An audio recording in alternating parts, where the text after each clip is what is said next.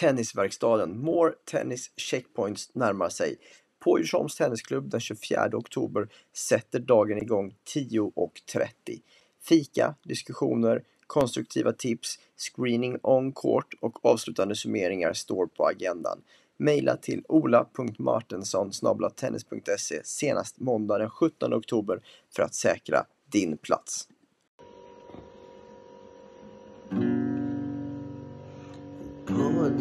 Tillbaks igen. Linus på baslinjen. Jag sa på det tillbaka igen. Linus på baslinjen. Då har jag med mig House of Bontins grundare Petter Bontin här. Eh, och ni har en eh, stor nyhet i ert sortiment med grepplindor. Ja Linus, det har vi. Det stämmer. Vi håller ju på och utvecklar vårt egna varumärke Hob Sports. Och eh, nu har vi precis i dagarna lanserat två stycken nya lindor. Eh, grepplindor och överlindor som heter Super Tacky och Super Dry. Eh, som vi är supernöjda med. Vi har liksom haft en ambition att eh, hitta de egenskaper som man söker i en perfekt grepplinda och ha, som det så fint heter, benchmarkat mot, mot andra lindar. Ja, just det. Just Eh, det. och tillsammans med tränare, spelare, utvärderat det här och eh, kunnat få fram ja, två superlindar. Just det. Faktiskt. Och en av dem är extra klibbig då och en är mer torr så att säga. Precis, om man har mycket handsvett den superdryen extra bra för. Just det, precis. Har du själv testat de här eller? Jag har testat eh, båda, min favorit är den klibbiga. Jag gillar klibbiga lindar, har inte så mycket handsvett. Ja men alltså, för jag är ju tvärt emot. Ja. Jag svettas ju en del om händerna. Så då är nog den torra kanske att föredra för mig då. Definitivt. Perfekt. Och eh, ni som är intresserade, gå in på houseofbontin.se så kan ni hitta eh, bland annat de här lindorna där.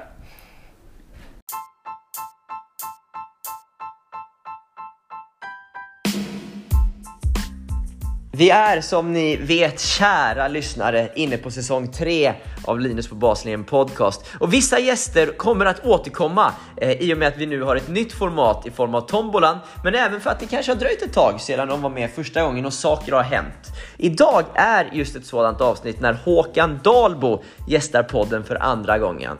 Håkan var med i avsnitt 17 av säsong 2 när han pratade om bland annat om hur, vi, hur viktigt det är att vi är stolta över att vara tennistränare. Idag så är det tombola-formatet, det vill säga att vi kommer spela upp tre ljudklipp ifrån tidigare avsnitt som det här samtalet kommer att cirkulera kring. Plus lite mer såklart.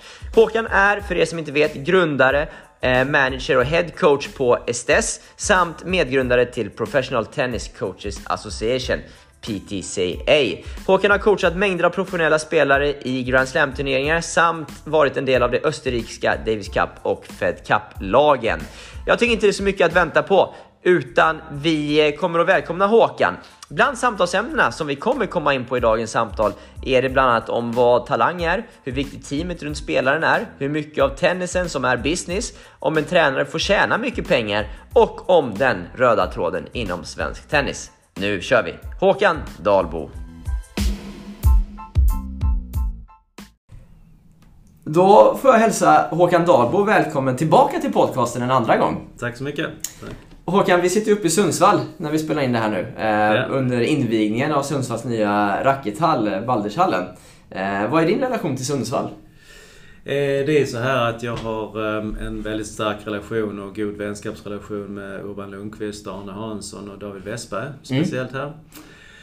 Urban och Arne var ju en av dem som, eller båda två var ju nere i Seefeld när vi startade STS och eh, var där under ett antal år. Och eh, de eh, flyttade tillbaka sen när den första Baldershallen, den gamla Baldershallen byggdes. Ja, exakt. när pappa Lasse Lundqvist då gjorde detta. Och sen har ju David Westberg varit sju år hos mig nere i Kiel Mm. på STS. Så att, sen har jag faktiskt tränat länge, flera år. Jag tror nästan det sju, sju år tror jag, uh, Micke Stadling. Just det, precis. Och faktiskt var Monica Lundqvist eh, en, ett par månader nere hos oss också och eh, vi hade väldigt roligt allihopa. Sen har jag faktiskt eh, haft förmånen att få, få spela, spela här i, i Sundsvalls eh, 35-lag. Aha. Eh, I masterslutspelet här i, två år i rad tror jag. Så vi hade väldigt roligt då också. Det var första matchen som jag spelade på tio år sedan jag, sedan jag slutade sen. Så att, så det var kul det också. Så vi har en rätt stark relation. eh, Ja, mycket vänskapsrelationer är det. Och, sen när Urban, Urban ville att jag skulle komma hit eh, när vi var med på den här invigningen så, så var det naturligtvis inte mycket att, att tänka på utan Nej. jag satte mig i flyget och kom hit. Häftigt. Eh, vad, vad, eh, vad tror du om, eller vad tycker du om hallen för det första, får jag fråga? Det är ju ett fantastiskt projekt och det är bara att gratulera Sundsvalls Tennisklubb till det här. Det, det är exakt, exakt så man ska tänka och försöka och samarbeta och försöka få hitta synergier och eh, jobba i team. Eh, jobba, jobba med varandras erfarenheter oavsett om det är bordtennis eller squash. Och Ja. bygga strukturer tillsammans och, och det är i princip exakt det som STS grundas på. eh, Och därför tycker jag det är väldigt, väldigt roligt att se ett sånt här projekt som, som bygger på de här principerna kan man säga. Kanske inte medvetet men undermedvetet så har det blivit så här att, att eh, de har helt enkelt lärt sig av varandra och sen Mm. hållit ihop och jobbat i team och det är ett fantastiskt projekt och som sagt Urban och Björn Wigge och alla som har varit med i styrelsen och Arne Hansson och ja, allihopa här har ju Ja. jobbat så, så mycket och det, det väldigt, väldigt, eh, väldigt kul att se.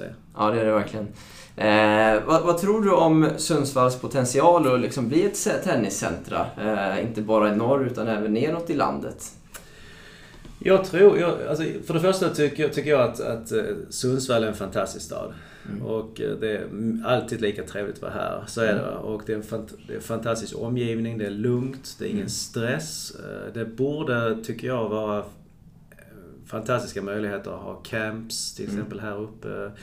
Utbildningar för tränare till exempel. Eh, Och även de som, som spelar professionell tennis Mm. borde det vara en väldigt, väldigt bra situation att komma till att träna två veckor, ligga, ligga här och, och inte ha någon stress, inga, inga bilköer, det är, det är ingenting. Liksom, det, det, du, kan, du kan ta det lätt. Det är nog, det är nog mycket, mycket bättre priser här på hotellen än, än på många andra, andra orter till exempel. Mm. Så att jag tror att jag tror det är en väldigt, väldigt bra situation som, som man kan komma till och, och även om man är proffsspelare och lägga sig med sin tränare till exempel och få bra hjälp med assistent med, med de andra tränarna som är här. Och, Mm.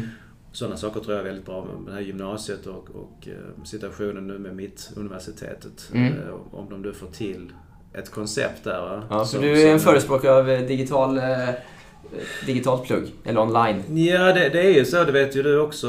Och, och alla som lyssnar på det här tror jag håller med om det. Att, att ska man bli tennisspelare så måste man spela mycket matcher. Man måste Mm. resa mycket. Annars så kommer du aldrig lära dig det som du ska utöva. Nej, exakt. Det är internationell tennis. Du måste lära dig resa. Du måste lära dig att leva i packning. Va? Ja. Det är mycket bo på hotell och du kan inte, du kan inte vara kan inte vara hemma för mycket. Ehm, Det, och då blir, det, då blir det svårt med skolan helt enkelt. Va? Mm. Det, det, jag tror det, det krävs, krävs absolut eh, digital, eh, både på gymnasiet och på, på, eh, på universitetet. Mm. Svårt, svårt att komma igenom. Jag menar, är det någon som bevisar motsatsen så är jag beredd att titta på det. Men jag, men jag, jag, tror att det är... Eller, min erfarenhet är att det- är svårt. Det är Ja. jättesvårt. Ja. Svårt också att få mängden träning som du behöver för att kunna spela match efter match och ofta spela två matcher om dagen och, och Mm. sen spela fem set i Grand Slammen till exempel om du är kille. Alltså du måste ha, du måste ha substansen med dig annars så kommer du inte att kunna strukturera din verksamhet. Nej, nej så är det. Eh, Håkan, eh, det här avsnittet så kommer, kommer att bygga på Tombola-konceptet. Så jag kommer spela upp eh, tre ljudklipp för dig, ett Mm. åt gången. Och så får du kommentera det lite sen. Okej. Yes. Och, återigen skulle jag vilja säga då att det, det, det hjälper ju inte om du har eh, Gud eller Jesus som, som tränare om du inte har egenskaper som gör att du kan bli riktigt bra. Kan tränare hjälpa till att ta fram de egenskaperna, tror du? Ja men det får man ju hoppas och tro. Ja. Annars behöver ju inga tränare. Va? Nej. Eh, Och det behöver man ju. Behöver ju ha människor kring dig som, som hjälper dig på, på resans gång. Helt Mm. klart.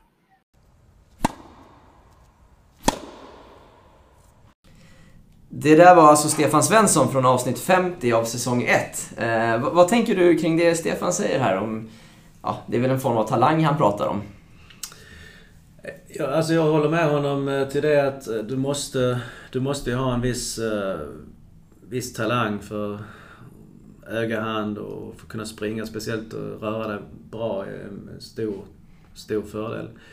Sen, sen är jag väl av den uppfattningen att, att det är tränaren faktiskt som kan locka fram en hel del grejer va? genom Mm. att kunna förbättra en teknik som Mm. du kanske inte är så bra på. Eh, Förbättra en liten biomekanisk detalj som du vet är viktig som kanske den här spelaren inte gör. Och det kan, vara, det kan ju vara så att, att spelaren har en viss förmåga som Mm. passar in bra i proffsidrotten. Men du får inte ut den förrän du har ehm, till exempel blivit bättre på eh, fysen. Mm. Eh, och blir du bättre på fysen så blir du kanske automatiskt bättre i huvudet också. Ja. Och blir du bättre på fysen så orkar du kanske träna lite mer. Ja. Eh, och då är det, viktigt att, att tränaren har den förmågan att, att eh, sätta sig in i exakt vad det är som den här spelaren behöver. Ja. Och sen verkligen trycka igenom detta. Eh, Och det, det är det som är tufft ibland. Att, att överta- övertala spelarna om att gå med dig på den här vägen. Och då, då brukar jag prata om tiden. Det, det tar tid att Mm. göra detta och då måste du först få förtroendet för spelaren och sen kan du jobba med tiden. Men, men du, du, det är mycket, faktiskt mycket tränaren. Jag, jag måste faktiskt eh, säga det. Och det säger Stefan i detta avsnitt också. Han är väldigt erfaren också. Mm. Och då då är det så att kan tränaren göra detta Mm. så, så, ehm, så blir det ganska bra. Sen, sen om det blir en Wimbledon-seger av det, det, det är någonting annat. Men du borde... Jag tycker att man, man kan säga att upp till 100 till 50 i världen och såna, så de här positionerna så kan man med, med, med en normal begåvad person som har talang för tennis eh, kan man nå rätt så bra resultat om man får tiden på sig. Vad är eh, talang då? Det är en klassisk fråga. Ja, det, alltså det tycker jag är rätt så enkelt eh, vad talang är. Det, det är att du, du, du har en förmåga att, att sätta dig in i det spelet du vill spela. Det är för mig, och om det då är genom att du rör dig bra eller att du slår bra och sen att du lyssnar. Det är Mm. väldigt viktigt att du kan lyssna, omsätta och jobba med kritiskt tänkande. Om, om du som spelare bara sväljer allting som tränaren säger så är det inte bra. Utan du måste kunna kritiskt sätta dig in i det han säger, Mm. omforma detta, ta till dig det och göra det, det till ditt eget. Mm. Och det är Mm. viktigt och det är för mig en talang eh, som är enorm. För att det är inte så svårt att slå en forehand och backhand och, Mm. och serva och springa. Det kan, man, det kan du träna upp rätt så bra. Mm. Men att jobba med kritiskt tänkande och våga förändra någonting och våga gå med på resan och eh, utveckla det. Det, det ser du ju även på, att ta en sån fantastisk spelare som Roger Federer som, som tar till sig eh, en, en second coach eh, som, som. Stefan Edberg eller Lubicic eh, till exempel. Det är, det är många spelare som har gjort likadant för att de Mm. utvecklas hela tiden. De vill, Mm. de, ta Nadal, han har ju utvecklats hela tiden tror jag, varenda, varenda år sen, han, sen, sen jag såg honom när han var 16-17 för första gången. Alltså, Mm. Han har ju utvecklats ju hela tiden. Vad, vad tänker du då kring spelare som reser mycket själva? Mm. Eh, när du ändå säger att tränaren och teamet har en ganska viktig roll i Mm. att dra ut egenskaperna ur dig. Mm. Jag tycker det, en- det, det passar ganska bra ihop för att en, en, en spelare som reser själv, reser ju inte själv hela tiden. Nej. Och eh, kan man resa med coach ganska mycket så är det säkert en, en fördel. Men Mm. det kan också vara en fördel att vara själv ibland. Mm. Att man får tänka till själv, man får lov att man tänker till. Är det verkligen riktigt det min, min coach säger? Mm. Eh, dessutom så kan man ju faktiskt, har man...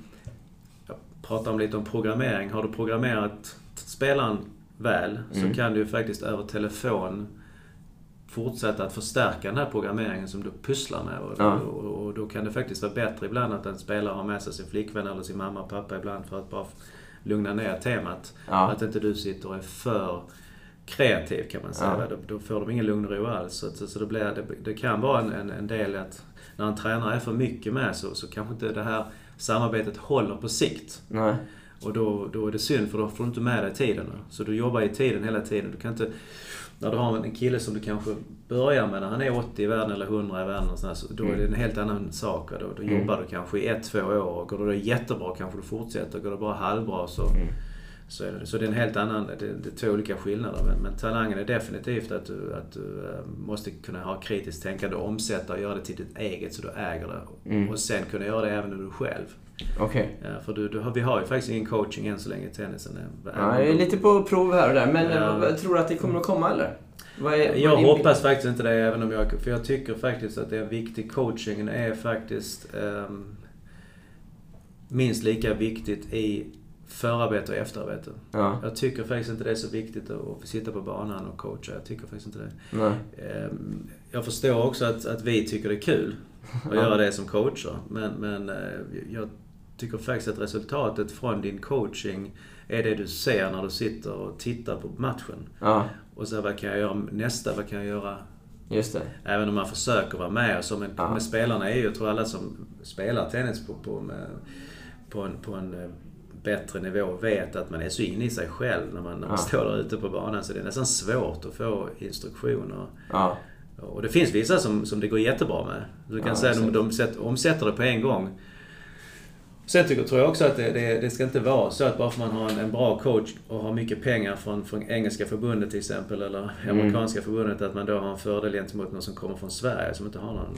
Ja, det blir en orättvis faktor eh, Ja, för väldigt- vissa konstellationer. Väldigt orättvist, Ja. vilket det redan är.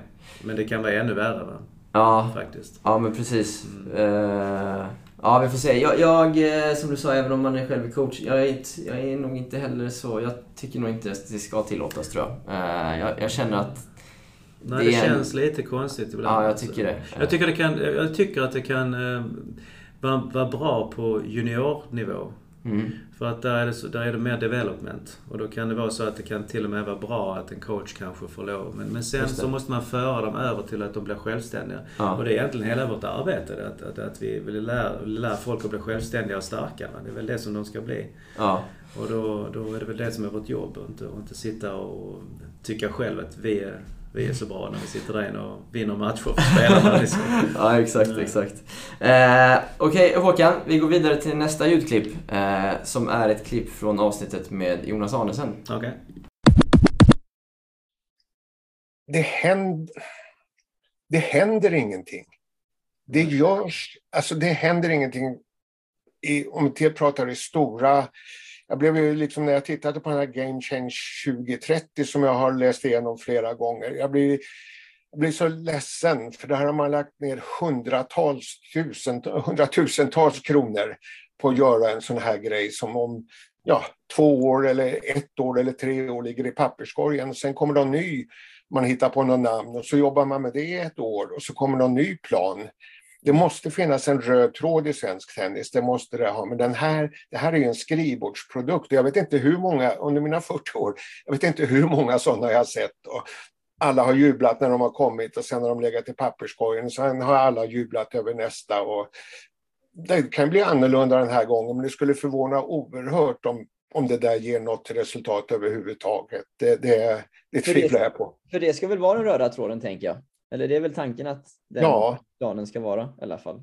Och så kan man, det är, en röd tråd måste finnas och den röda tråden måste ju vara så spunnen så att det finns resurser, kunskap och erfarenhet så att man kan följa den röda tråden. Annars är den ju helt meningslös att bara dra upp en röd tråd som alla vet, nej men det här det har vi inte pengar till, det har vi inte kompetens till, erfarenhet till.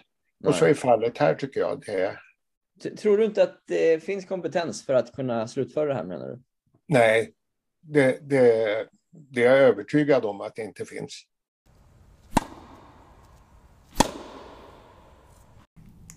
Ja, Håkan. Eh, vad, vad tänker du när du hör det här lite längre ljudklippet från avsnittet med Jonas? Jag blir inte riktigt klar över vad det, vad det är för koncept han menar nu. Det... Eh, Han pratar ju om Game Change 2030. Ja, okej, är, du insatt i, är du insatt i det? Nej, det är jag inte riktigt eh, faktiskt. Men jag, jag förstår ungefär vad han menar. Med... Ja, Svenska Tennisförbundet tog ju fram en färdplan mot 2030 Ja, med, just med ett antal punkter som ska genomföras. Ja. Och, och sen så menar väl Jonas då att det har gjorts förr. Mm. Att det handlar om att göra jobbet då, att få det genomfört.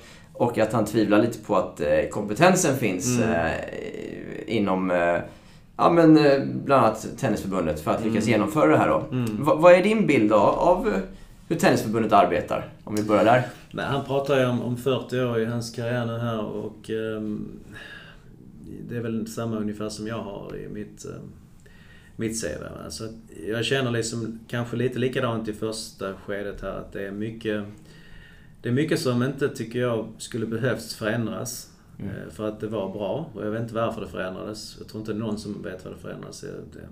Alltifrån rankingsystem till steg 3-system och så vidare. Istället för att förbättra det man har så förändrar man allting. Och då, då tror jag liksom att... Då vet jag faktiskt inte varför man gör det. Men om man gör en förändring måste det vara till något tydligt bättre menar du? Ja, dessutom så finns det ju... Är det, alltså, om, vi säger så här, man ska förändra någonting. ehm, och, eller vi ska ta bort någonting som då gjordes. Mm. Så, måste, så innebär det att det andra är dåligt. Ja. Och jag kan inte säga att, att de sakerna som var i svensk tennis på, under, under 70 och 80-talet var dåligt. Utan de, de, de kunde förstärkas och förbättras. Mm. Eh, och då, eh, men, men här för, förändrar man, alltså man tog bort saker och ting. Och, och sen, sen tror jag att, att det är som att det kommer hela tiden nya koncept. Det tror inte jag... jag- kan, en annan sak som man kan titta på till exempel, som inte, kanske inte har med förbundet att göra, det, det, det är hur man äter. Jag kommer ihåg att vi satt i en diskussion på ett Davis Cup-läger, tror jag det var, eh, på 80-talet. Och vi pratade om nutrition. Mm. Och, ehm, och det har ju förändrats det har ju förändrats tror jag tio gånger de sista 30 åren hur man ska äta. Om man ska äta fem gånger om dagen, ska man äta två gånger, ska är frukost viktigt, är frukost inte viktigt och så vidare. Och så vidare. Alla de här sakerna går tillbaks till att förbättra och förstärka individen. Mm. För att i slutändan så måste en tennisspelare, vi kommer tillbaka till coaching. En tennisspelare måste ta ett beslut. Mm. Och det är det viktigaste. Och det är talangen som man har. Ehm, jag satt och pratade här med en, med en tränarkollega i för, eh, igår. Nej, förrgår. Om, om just de här sakerna och ehm, vi var båda överens om att folk som vi känner som har vunnit Grand Slam och Olympiamedaljer och så vidare, de är väldigt klara i sina utsagor. Mm. Även om de verkar snälla och trevliga när de, när de är sociala Mm. eh, och ödmjuka, så är de inte så ödmjuka när det väl kommer till punkten. Nej. Utan då är de knivskarpa. Ja. Och det, det är ofta det som är, och även att man, man vågar gå i konfrontation och det är viktigt. Man måste våga, som spelare våga gå i konfrontation med din coach. Mm. Som coach måste du våga gå i konfrontation med din spelare och trycka igenom saker och ting. Men är, har du då en kreativ spelare så kommer han att svara och så, så blir det någonting bra till slut. Mm. I det här fallet så blir det någon ty- typ av diktat. Att man ska sitta och svälja någonting som ett, ett förbund säger att det här är bra, nu ska vi ha T- T- TK4 istället för att man ska bli uttagen till steg 3 till exempel. Ja. Ja. Eh, vad är det som är bra med det? Hur, vem vet det? Mm. Var, varför ändrar man det när man inte har någonting som är specifikt? Varför ändrar man en handikapplista och gör ett, ett, ett nytt system med poäng och sen måste man Sen måste man växla detta systemet till ett annat system. Mm. Vad är det som säger, vad är bevisen för att det här är bättre? Vem är det som sitter med den erfarenheten och säger att detta är bättre? ja, jag förstår. Då behöver man inte för, förändra, man kan försöka förbättra, Ja. men långsamt. Ja. Men när man sopar golvet eller sågar, sågar ett system med knäskålarna och bygger upp ett nytt som man inte ens vet kommer fungera. Nej. Dessutom tittar på andra nationer som inte fungerar. Ja. Men man tror att den fungerar för att man har pratat med någon som vill att det ska verka precis som att det fungerar. Ja. Vi säger till exempel Belgien och minitennis. Ja. Där finns en massa konstiga, konstiga uppfattningar om att det, i Belgien så har alla tennisspelare spelat min, minitennis när de var små. Mm. Det finns vissa tränare som pushar det helt enkelt. Men Mm. andra tränare har, har inte pushat det med sina... Eh, och då, det kan, likadant i Österrike så finns det en tränare som pushar de här Kids for Tennis. Eller vad det för och, ehm, och säger då att hela Österrike spelar, Ja. spelar det här, det här minitennis då. Men det är inte sant. Utan det finns ett visst antal spelare som kanske spelat med i vissa tävlingar och de drar man då in. Det är som, och det finns alltså det finns mycket saker som folk då inte vet. Och så, så ändrar man system Ja. efter, det tror jag det Jonas menar här. Att man ändrar system utan bevisföring. Ja. Eh, och, eh, och egentligen utan nödvändighet. Utan det kommer in folk som vill sätta sin prägel på någonting. Mm. Och då, och, då, och då har de inte förmågan att förbättra det som är, finns utan Nej. de måste, de måste göra någonting helt nytt. Ja. Men I, i, i eh, länder som har nått framgång i Mm. spelarutveckling, Mm. har du upplevt att det funnits en tydlig röd tråd då? Att man har följt gemensamma grejer i, Mm. i klubbar eller akademier? eh, Mm. Eller har det mer varit liksom ihopplock av individuella satsningar som ser ut väldigt olika? Alltså det som, som jag tycker är, om man tar Italien, som jag också bor i tidvis och eh, känner väldigt väl. Jag har jobbat mycket med italienska professionella spelare. Och eh, de kom fram till, de har alltid haft mycket tävlingar, men de Mm. har ökat den delen på Challenger-nivå. Och eh, sen dess har de fått fram en otroligt mycket... mycket Italien och massa- Tjeckien är väl de länderna som nästan är... Ja, sen har du Spanien till exempel som även har, de har mycket tävlingar. Men Mm. de har också en, en eh, klar filosofi eh, som de går efter.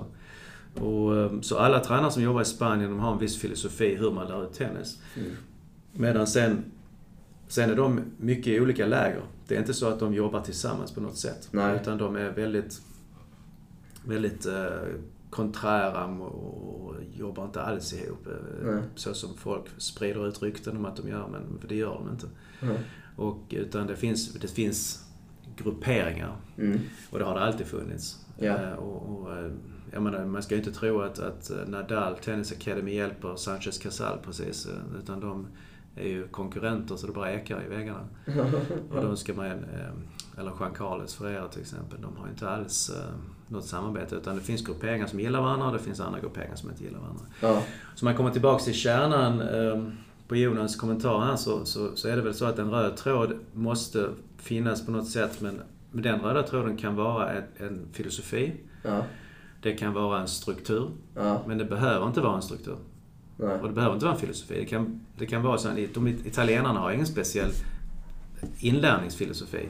Nej. Utan de har mer en struktur som de går efter. Du, får inte, du, kan inte öppna, du kan inte öppna en tennisskola i, i Italien till Nej. exempel utan, utan att, att i det italienska förbundet har en stämpel på den. Till Mm. exempel. Du kan göra men du får inga bidrag, ingenting. Nej, jag förstår. Så det, det blir liksom en, en hel, här kan du göra i princip vad du vill då, Ja. i Sverige. Så där håller jag med att det, så det är en, mer en struktur. Medan Mm. i Spanien är det, är det väldigt stark, väldigt stark eh, filosofi bakom tennisen. Mm. Hur man gör. Ja, jag är med. Jag är med. Intressant. Eh, klippet var alltså från avsnitt 48 av säsong 2. Eh, Håkan, vi ska gå vidare till det sista ljudklippet. Eh, Mm. Som är med en av dina lärjungar, Joakim Alvetoft. Okej. Eh, avsnitt 27, säsong 2. Vi lyssnar på det. Um, Håkan har ju också lärt mig att, att tänka business och, kring tennisen och att business faktiskt gynnar spelaren. Hur, hur då? Berätta mer om det. Eh, nej, men vi, om, om, vi, om vi gör ett bra jobb, för vi måste göra ett bra jobb, om vi engagerar oss i spelaren eh, så kommer flera spelare. Eh, och eh, då, då kan vi skapa mer helt enkelt. Eh, så att eh, engagemanget eh, och koncentrationen i, i att försöka göra bra saker för spelaren eh, leder alltid till bra saker. Det är min erfarenhet. Just det. Eh, För, för ibland kan jag uppfatta att det nästan är lite fult att tjäna pengar. Liksom. Ja, det, det där är ju, jag, jag är ju jätte, i och med att vi, vi jobbar ju här, här hemma i Stockholm så jobbar vi både mot, mot eh, eh, förening och eh, har, har privata verksamheter och akademiverksamheter. Mm. Och eh, man får faktiskt vara väldigt försiktig eh, i hur man, eh, hur man uttryck, uttrycker sig och eh, tyvärr så, så eh, håller jag med. Eh,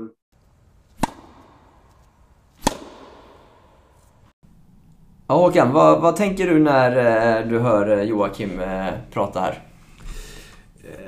Jag, jag vet inte riktigt exakt vad han menar. eh, Men för att han uttryckte inte det helt klart, eh, tror jag. Men, men, eh, Vi pratar om business. Att liksom, jag, tror, jag tror att han menar, menar nu att, ehm, för det är också min uppfattning, att, att du måste, ja, du måste ha en, en, ehm, en bra ekonomi som tränare Mm. för att kunna hjälpa en spelare. Antingen har du stora sponsorer eller ett förbund som går in och betalar, eller en klubb som betalar, vilket inte kanske håller. Jag pratade ju tidigare om tiden. Mm. Så ska du kunna jobba länge med en spelare så måste du ha en ekonomi som, som, så du kan slappna av i, i ditt... eh, Så inte du känner att...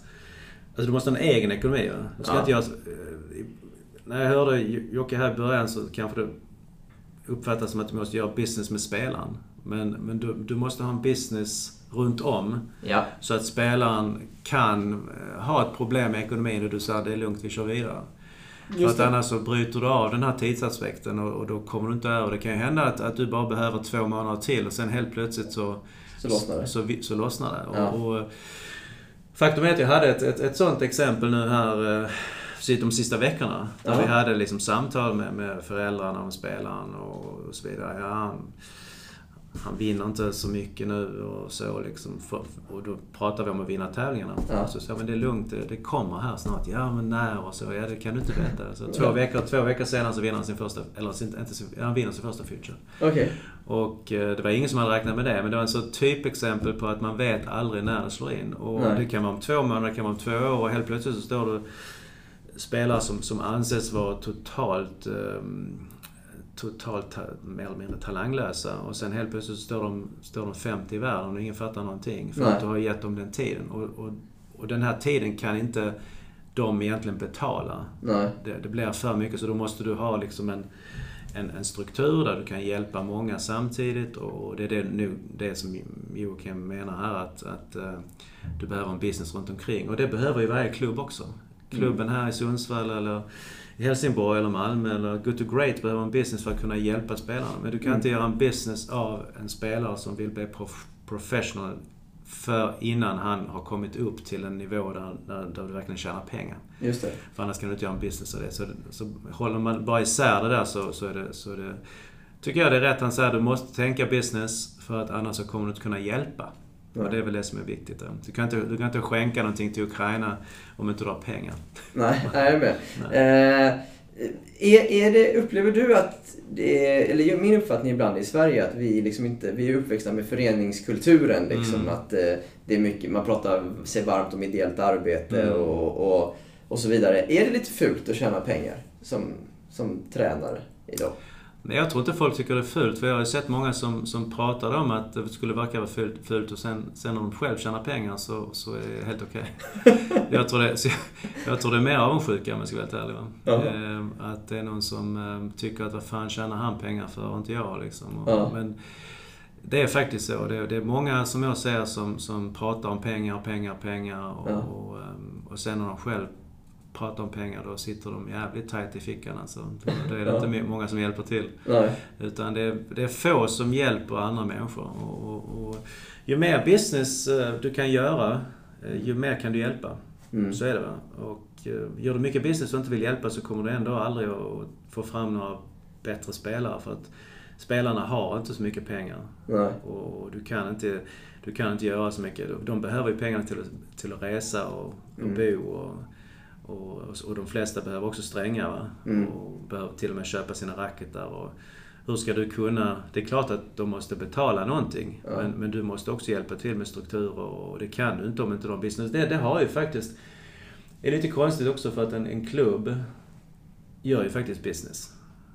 Så är det. Det är bara det. Men som ska gå plus minus noll då?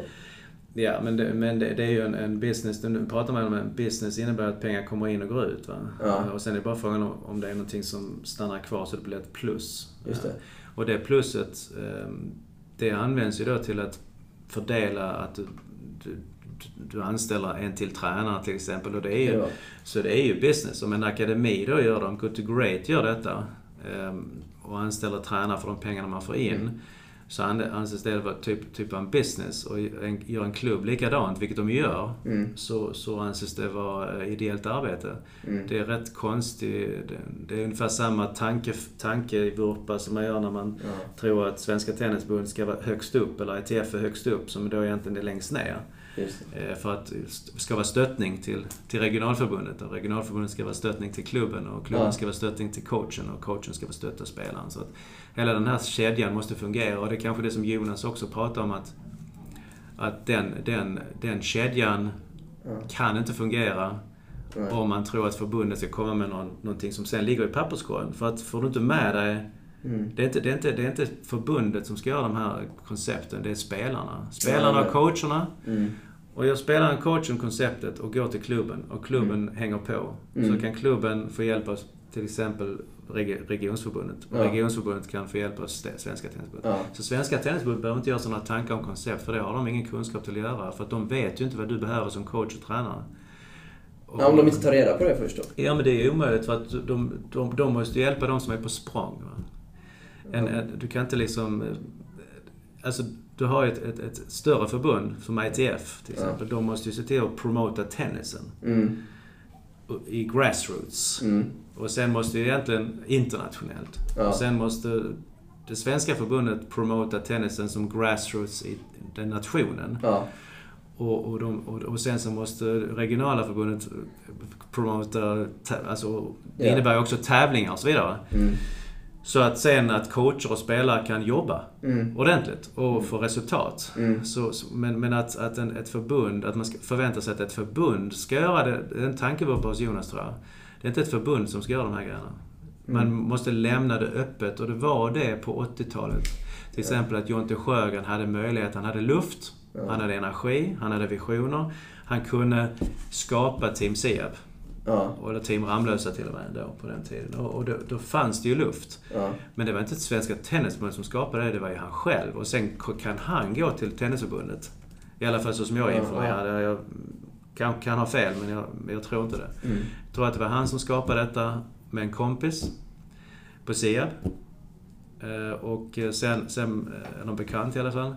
Och sen skapade de detta tillsammans. Och sen kanske det var så att Team Siab sen blev någon, någon eh, att det blev en kooperation med Svenska Tennisförbundet på något sätt. Men, men det får jag inte stå och berätta i sådana fall. Ja. Men, men, han, men som jag ser det i alla fall så var det ett, ett jättebra initiativ Ja. som han lyckades få med sig andra folk. Och då, och då var förbundet inte så starkt på den tiden. Så att, så, eller det krävdes inte att förbundet skulle göra nej. någonting. Utan Jonte kunde göra det fick, fick de andra med sig. Jag tror det är helt rätt också. att om, om nu Linus Eriksson vill skapa, skapa ett team i Sverige så ska han få göra det. Och sen ska han få hjälp av till exempel Skånska förbundet eller Stockholmsförbundet eller, eller Medelpadsförbund. Ja. Och sen ringer Medelpadsförbund till, till eh, Svenska Tennisförbundet och säger du har ett projekt, vill ni vara med? Och sen så Svenska Tennisförbundet troligtvis ja. Ja. Och sen så söker man sponsorer tillsammans och sen så är det klart. Men när Svenska Tennisförbundet ska, ska sitta och göra koncept för att alla tror att det är de som, som ska göra det. Då blir det precis som Jonas säger. Då är det helt rätt sätt med en tankevurpa att kräva att de ska göra det. Nej, och det är, fel, det är fel också att tro, det är direkt fel, tro att det inte finns någon kompetens. Du har ingen chans att göra det för du vet inte vad som behövs.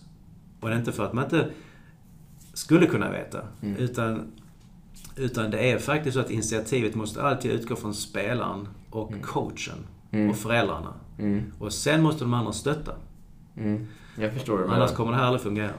Eh, vi, vi pratade liksom om eh, ja, men det här med att tjäna pengar eller business då. Så. Mm. Eh, fin, jag upplever också att det finns en annan betalningskultur utomlands. I, I Sverige är man inte så van att betala för träning till exempel. Man vill att terminsavgifterna ska vara väldigt låga. Alla ska kunna vara med. Man vill inte stänga ute någon på grund av ekonomiska aspekter. Men då blir det också att klubben måste ju dra in mer pengar. Blir fler spelare på banan och, och den biten. Att kvaliteten sänks. Eh, upplever du att, eller håller du med om det? Att det finns en annan kultur att faktiskt betala för produkten utomlands? Det vill säga träningen eller upplägget. Man, man, det, det har du säkert rätt i. Det, det är ju så att det finns mer pengar utomlands också. Eller har funnits i alla fall. Om man tittar på 80-talet och 90-talet så fanns det ju... Bara att man vet att det fanns anonyma konton i Österrike och Schweiz och Tyskland där, där eh, mormor och morfar och, och hade sparat pengar till sina barnbarn och så vidare som de sen fick eh, i handen och tryckte in det i tennisträning eller någonting. Och det är liksom en helt annan kultur än, än, än när man vet att på 70-talet så, så utarmades svenska familjer med nästan 100% skatt. Liksom. Jag kommer ihåg när min pappa, jag tror att han betalade 80% i skatt och, och Astrid Lindgren var det den här pomp, Pomperipossaskatten. Alltså det, fanns, det finns i Sverige inga sådana här extra pengar. Va? Nej, nej, nej. Eh, och, och de extra pengarna har funnits utomlands men de har inte funnits i Spanien. Men de har funnits i Italien. Ja. De har funnits i Österrike, Schweiz, Tyskland till exempel. Ja. Eh, Och, och där är det annorlunda. Och där var till och med så att, att det är många som har, har haft sådana här typer av pengar och lagrat och bunkrat pengar Ja. och sen har, hjälper de till att betala ett, ehm, ett Bundesliga-lag till exempel. Ja, och, ja, och, och ger till och med med spelarna pengarna i handen. Eh, För att de, de tar ut dem från banken helt enkelt. Och den kulturen finns inte i Sverige. Nej. Vilket jag tycker i och för sig är bra för att vi vill inte ha med svarta pengar att göra på det viset. Annars det kan man ju inte använda heller, svarta pengar. Så det är inte bra. Men, men de har, det har funnit en, en, en förklaring. Och de här pengarna håller på att gå bort. Mm.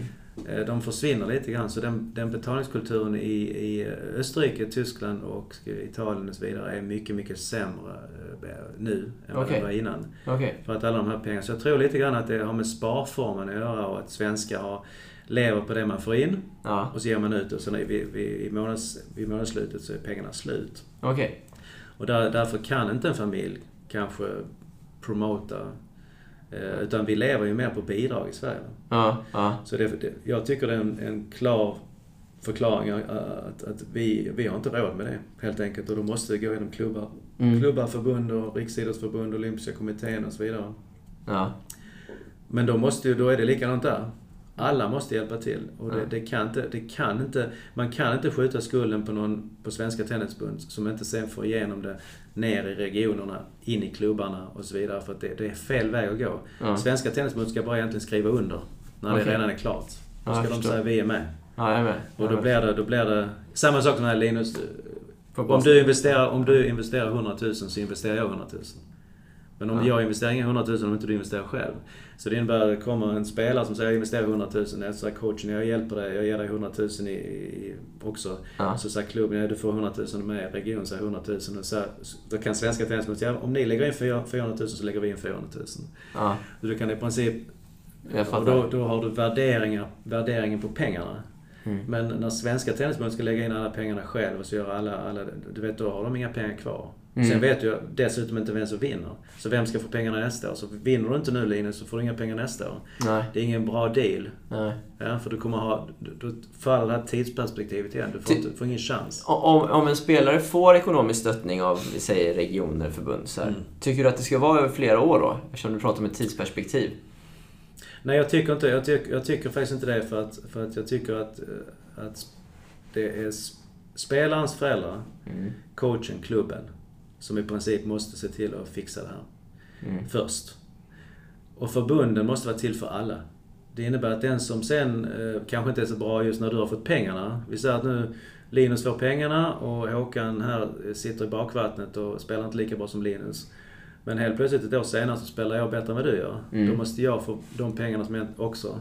Mm. Men det är rätt, det, finns, det finns möjligheter att lösa om man, om man jobbar i procent istället för att man jobbar i kronor. Mm. Då, då vet man att det läggs in en miljon eller två eller tio. Och sen Mm. får man ut procentsatser istället. Och då, då går det. Men du måste, du måste göra resultat.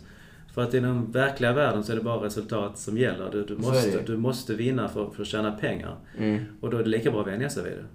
Och, Ja. och fi- fixar du inte det, Problemet fixar du inte på- det, är det bättre att du inte gör det. Nej, men problemet är väl på, på lägre nivåer när spelaren troligtvis behöver ekonomisk hjälp. Mm. Då räcker det knappt att du vinner för att du ska tjäna pengar. Alltså det är så... Nej, så, så är det. Men då är det frågan om, har du inga muskler så är det frågan om om det, det är en, ehm, ett fat utan, utan botten liksom. Och, och, och bara, bara öser i Ja. pengar och energi. Och, och det kan inte bli för att Svenska Tennisförbundet eller Stockholms Tennisförbund eller en klubb kan ju inte finansiera det i evigheter. Nej, så är det Utan, ju. utan de måste, de, du måste ha lite muskler själv. Ja, Och, ja. och, och framförallt måste du ha folk runt omkring som säger ja, men jag tror att du kan bli bra. Ja. Jag, jag tror på det. Och kanske kan skjuta till. Och detta har ju till exempel var ett jättefint exempel här med, med Johanna Larsson som blev stöttad av Erik. Va? Ja, Erik Ullsten. Ja. Ja, Ullsten. Och, och där har han ju tagit mycket ansvar för, för den biten. Och Mm. sen har ju Johanna fått pengar, förmodar jag, Tennisförbundet, Olympiska kommittén och så vidare. Så där har ju varit ett, ett, team runt om henne. Men, men hon hade ju inte kanske klarat det helt själv eh, privat naturligtvis. Nej, det vet jag att hon inte hade gjort i början där. Mm, nej. Eh, Håkan, vi, vi ska avrunda med, med några eh, frågor som eh, inte rör någonting av det här. Eh, vad gör du om tio år? Ja, ja, det är väl någon som har tvingat mig att gå i pension. Nej, Nej, jag vet faktiskt inte. Jag tror faktiskt att jag gör ungefär samma sak fast lite mindre. Okej, ja, du trivs bra med det du gör. Ja, det är mitt liv så att jag, inte, jag tänker inte lägga bort mitt liv för hyllan. Men är det så att du, jo- jobbet, liksom, du ser det inte som att du jobbar, Nej. utan det är din livsstil? Nej, jag brukar säga att jag aldrig jobbat i hela mitt liv faktiskt. Fantastiskt. Så det är ingen som, nej, det är faktiskt kul att, att känna så. Ehm, Det är ju det här jag har gjort sen jag egentligen kan tänka. Eh, Och då, och då jag har hållit på med tennis i olika Ja. former och det är väl det som... Ja, alla mina vänner är tennis så jag kan inte tänka mig att jag går i pension och sen nästa dag sitter jag i, sitter jag i en tennisklubb antagligen och snackar, snackar Ja. med Linus. Ja, det vore fantastiskt. Eh, tror du att jag, som jag är 33 år nu, Mm. tror du att jag kommer få uppleva en svensk Grand Slam-vinnare i singel innan jag går i pension? Ja, det hoppas jag. Ehm, Ja, jag tror att det absolut är möjligt. Va? Det, är inte, det är inte det det, han- det Det handlar om eh, egeninitiativ, Mm. kritiskt tänkande och eh, gasen i botten. Helt Ja. enkelt. Ja. Tro på sig själv. Ja, vi får se då. Eh, du måste resten av ditt liv se om en match före du går och lägger dig varje kväll. Vilken match väljer du att se om? Varje ma- ehm, En match. en match. ehm, ja, vilken skulle det vara? Det kan jag... Första frågan Håkan tvekar på här, någonsin tror Ja, jag. jag har sett så mycket bra matcher. Och sen är det faktiskt matcher som man själv mycket har varit involverad i också. Som, man, som Ja, har det varit lika spännande som, som fast... Men jag tror, jag tror att... ehm, jag tror faktiskt jag väljer uh, Macron Boy faktiskt. Ja, det är så? Jag tror faktiskt det. Jag tycker, för det är ju... eh, jag menar... För, för oss i vår generation, och för mig i alla fall, jag vet att för många av mina, mina kollegor också, är, är, var ju Björn en hjälte va. Mm. Det var ju mer, det var inte, det var inte riktigt en tennisspelare. Det var ju mer, det var ju mer så, titta på Robin Hood. Alltså det var ju en film va. Ja. Eh, Så att, så att jag tror faktiskt att jag väljer den. Eh, Det, det, det, även när jag har tittat på den ofta så tänker man, ja det var... Det kunde ju varit den ena eller andra volleyn som hade varit bättre. Men det var så dramatiskt. va, Så jag tror Mm. att, och vi levde ju med. Men man Ja, kunde, jag kunde inte gå på toaletten. På den, det tog Nej. ju tid den här matchen.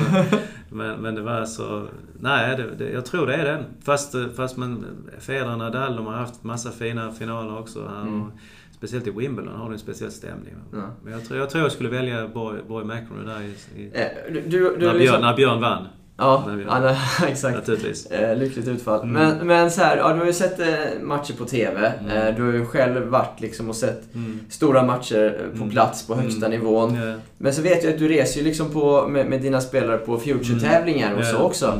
Känner du samma adrenalin på lägre nivån som när du har varit på högre nivå så att säga? Ja, det gör jag. Jag, ser, jag, ser, jag känner ingen skillnad där. Det gör jag inte. Häftigt. Jag tycker faktiskt att det är, är lika roligt. Ja. Ehm, Det gör jag. Jag tycker heller inte att det är så... Det, är, tennismässigt så, så är det ju ofta inte stor skillnad. Det är det inte va? Utan det, det är väldigt... Det är, det är mer, lite mer fel, lite mer resiliens, lite mer konstans. ehm, Men det är ju ofta inte så att det är så stor skillnad i tennisen. Utan det är mer... mer är mer publiken. Ja. Saknas ju ofta. Ja. Eh, Det är större banor. Ja. Eh, Andra spelare kanske, men, men, eh, just det att de slår ju inte mycket hårdare. De, de är lite bättre på saker. Men, men, men det är poängen i, det är poängen de tar. I Future får de inte så mycket poäng. Sen Mm. har du Challenge och får de lite mer poäng om de vinner. Men, men spelarna är ungefär samma. Mm. Sen har du en ATP-tävling. Det är, ju, det är någon som har fått wildcard i Italien och så trycker han igenom en semifinal i någon, någon tävling så har mycket poäng. Så kommer han in nästa och så spelar du Mm. Alltså det, det är verkligen inte så stor skillnad som man tror att det är eh, ofta. Nej. Många som menar som att ligger du 120 världen ska du lätt slå någon som är 500. Men så är det ju inte. Vilket man ser ofta i Davis Cup. Ja. Där de möts då någon Precis. som är bättre. Så då är spelaren mot varandra. Så spelare mot spelare. De bättre spelarna är mer konstanta så de kan, de, på en bättre nivå så de kan spela. Men, men just i själva kunnandet att spela tennis så är det ofta inte så stor skillnad. Så därför är matchen lika intressant. Mm. Faktiskt. De gör ju också ofta lika mycket fel också så det blir, spänningen blir ju lika...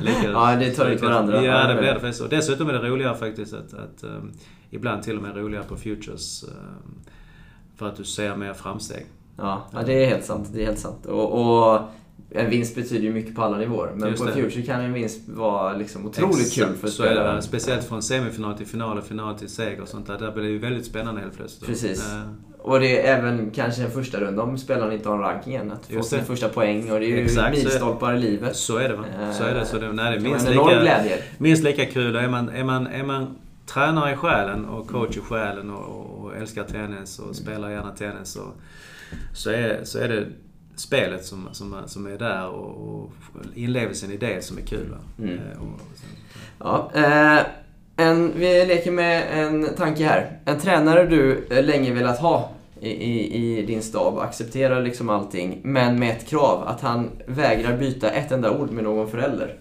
Hur skulle Mm. du ställa dig till det? Eh,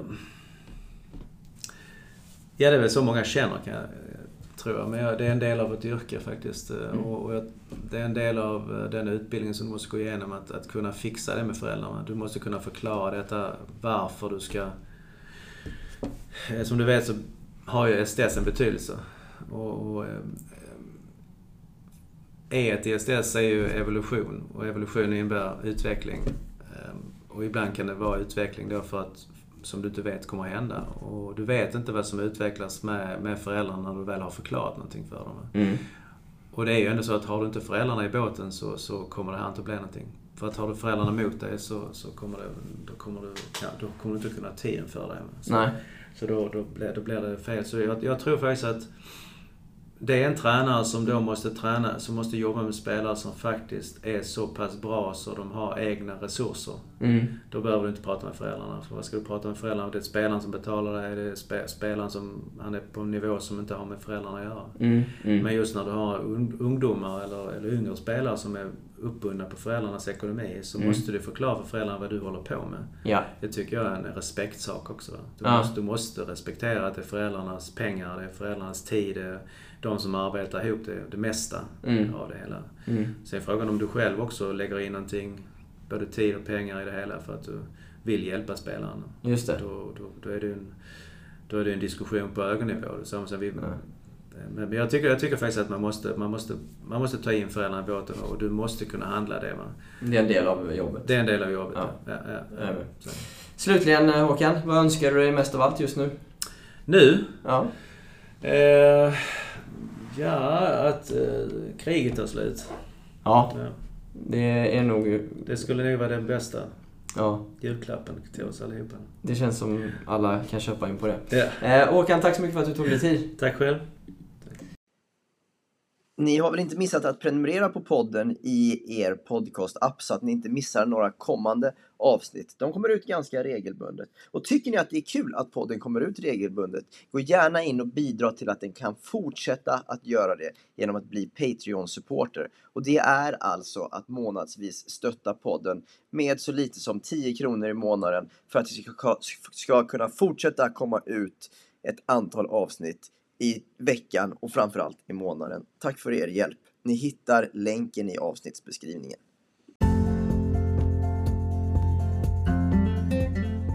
Tack allihopa för att ni lyssnade på det här avsnittet och tack Håkan Dahlbo för att du återigen gästade den här podden. Det är ju onekligen så att Håkan gör ett fantastiskt arbete med att försöka höja statusen på tränaryrket och lyfta fram tränarkåren och skapa möjligheter för tränarna som vill satsa på det här som yrke på ett professionellt och ordentligt sätt. Och det ska Håkan ha all cred för. Jag vill passa på att tacka mina samarbetsklubbar Söndrums Tennisklubb, Söderslätts TK och Påvelunds Tennis och Badmintonklubb för att ni stöttar den här podden. Och som vanligt, ett nytt avsnitt kommer inom bara några dagar. Tills dess, ha det så bra och sköt om er.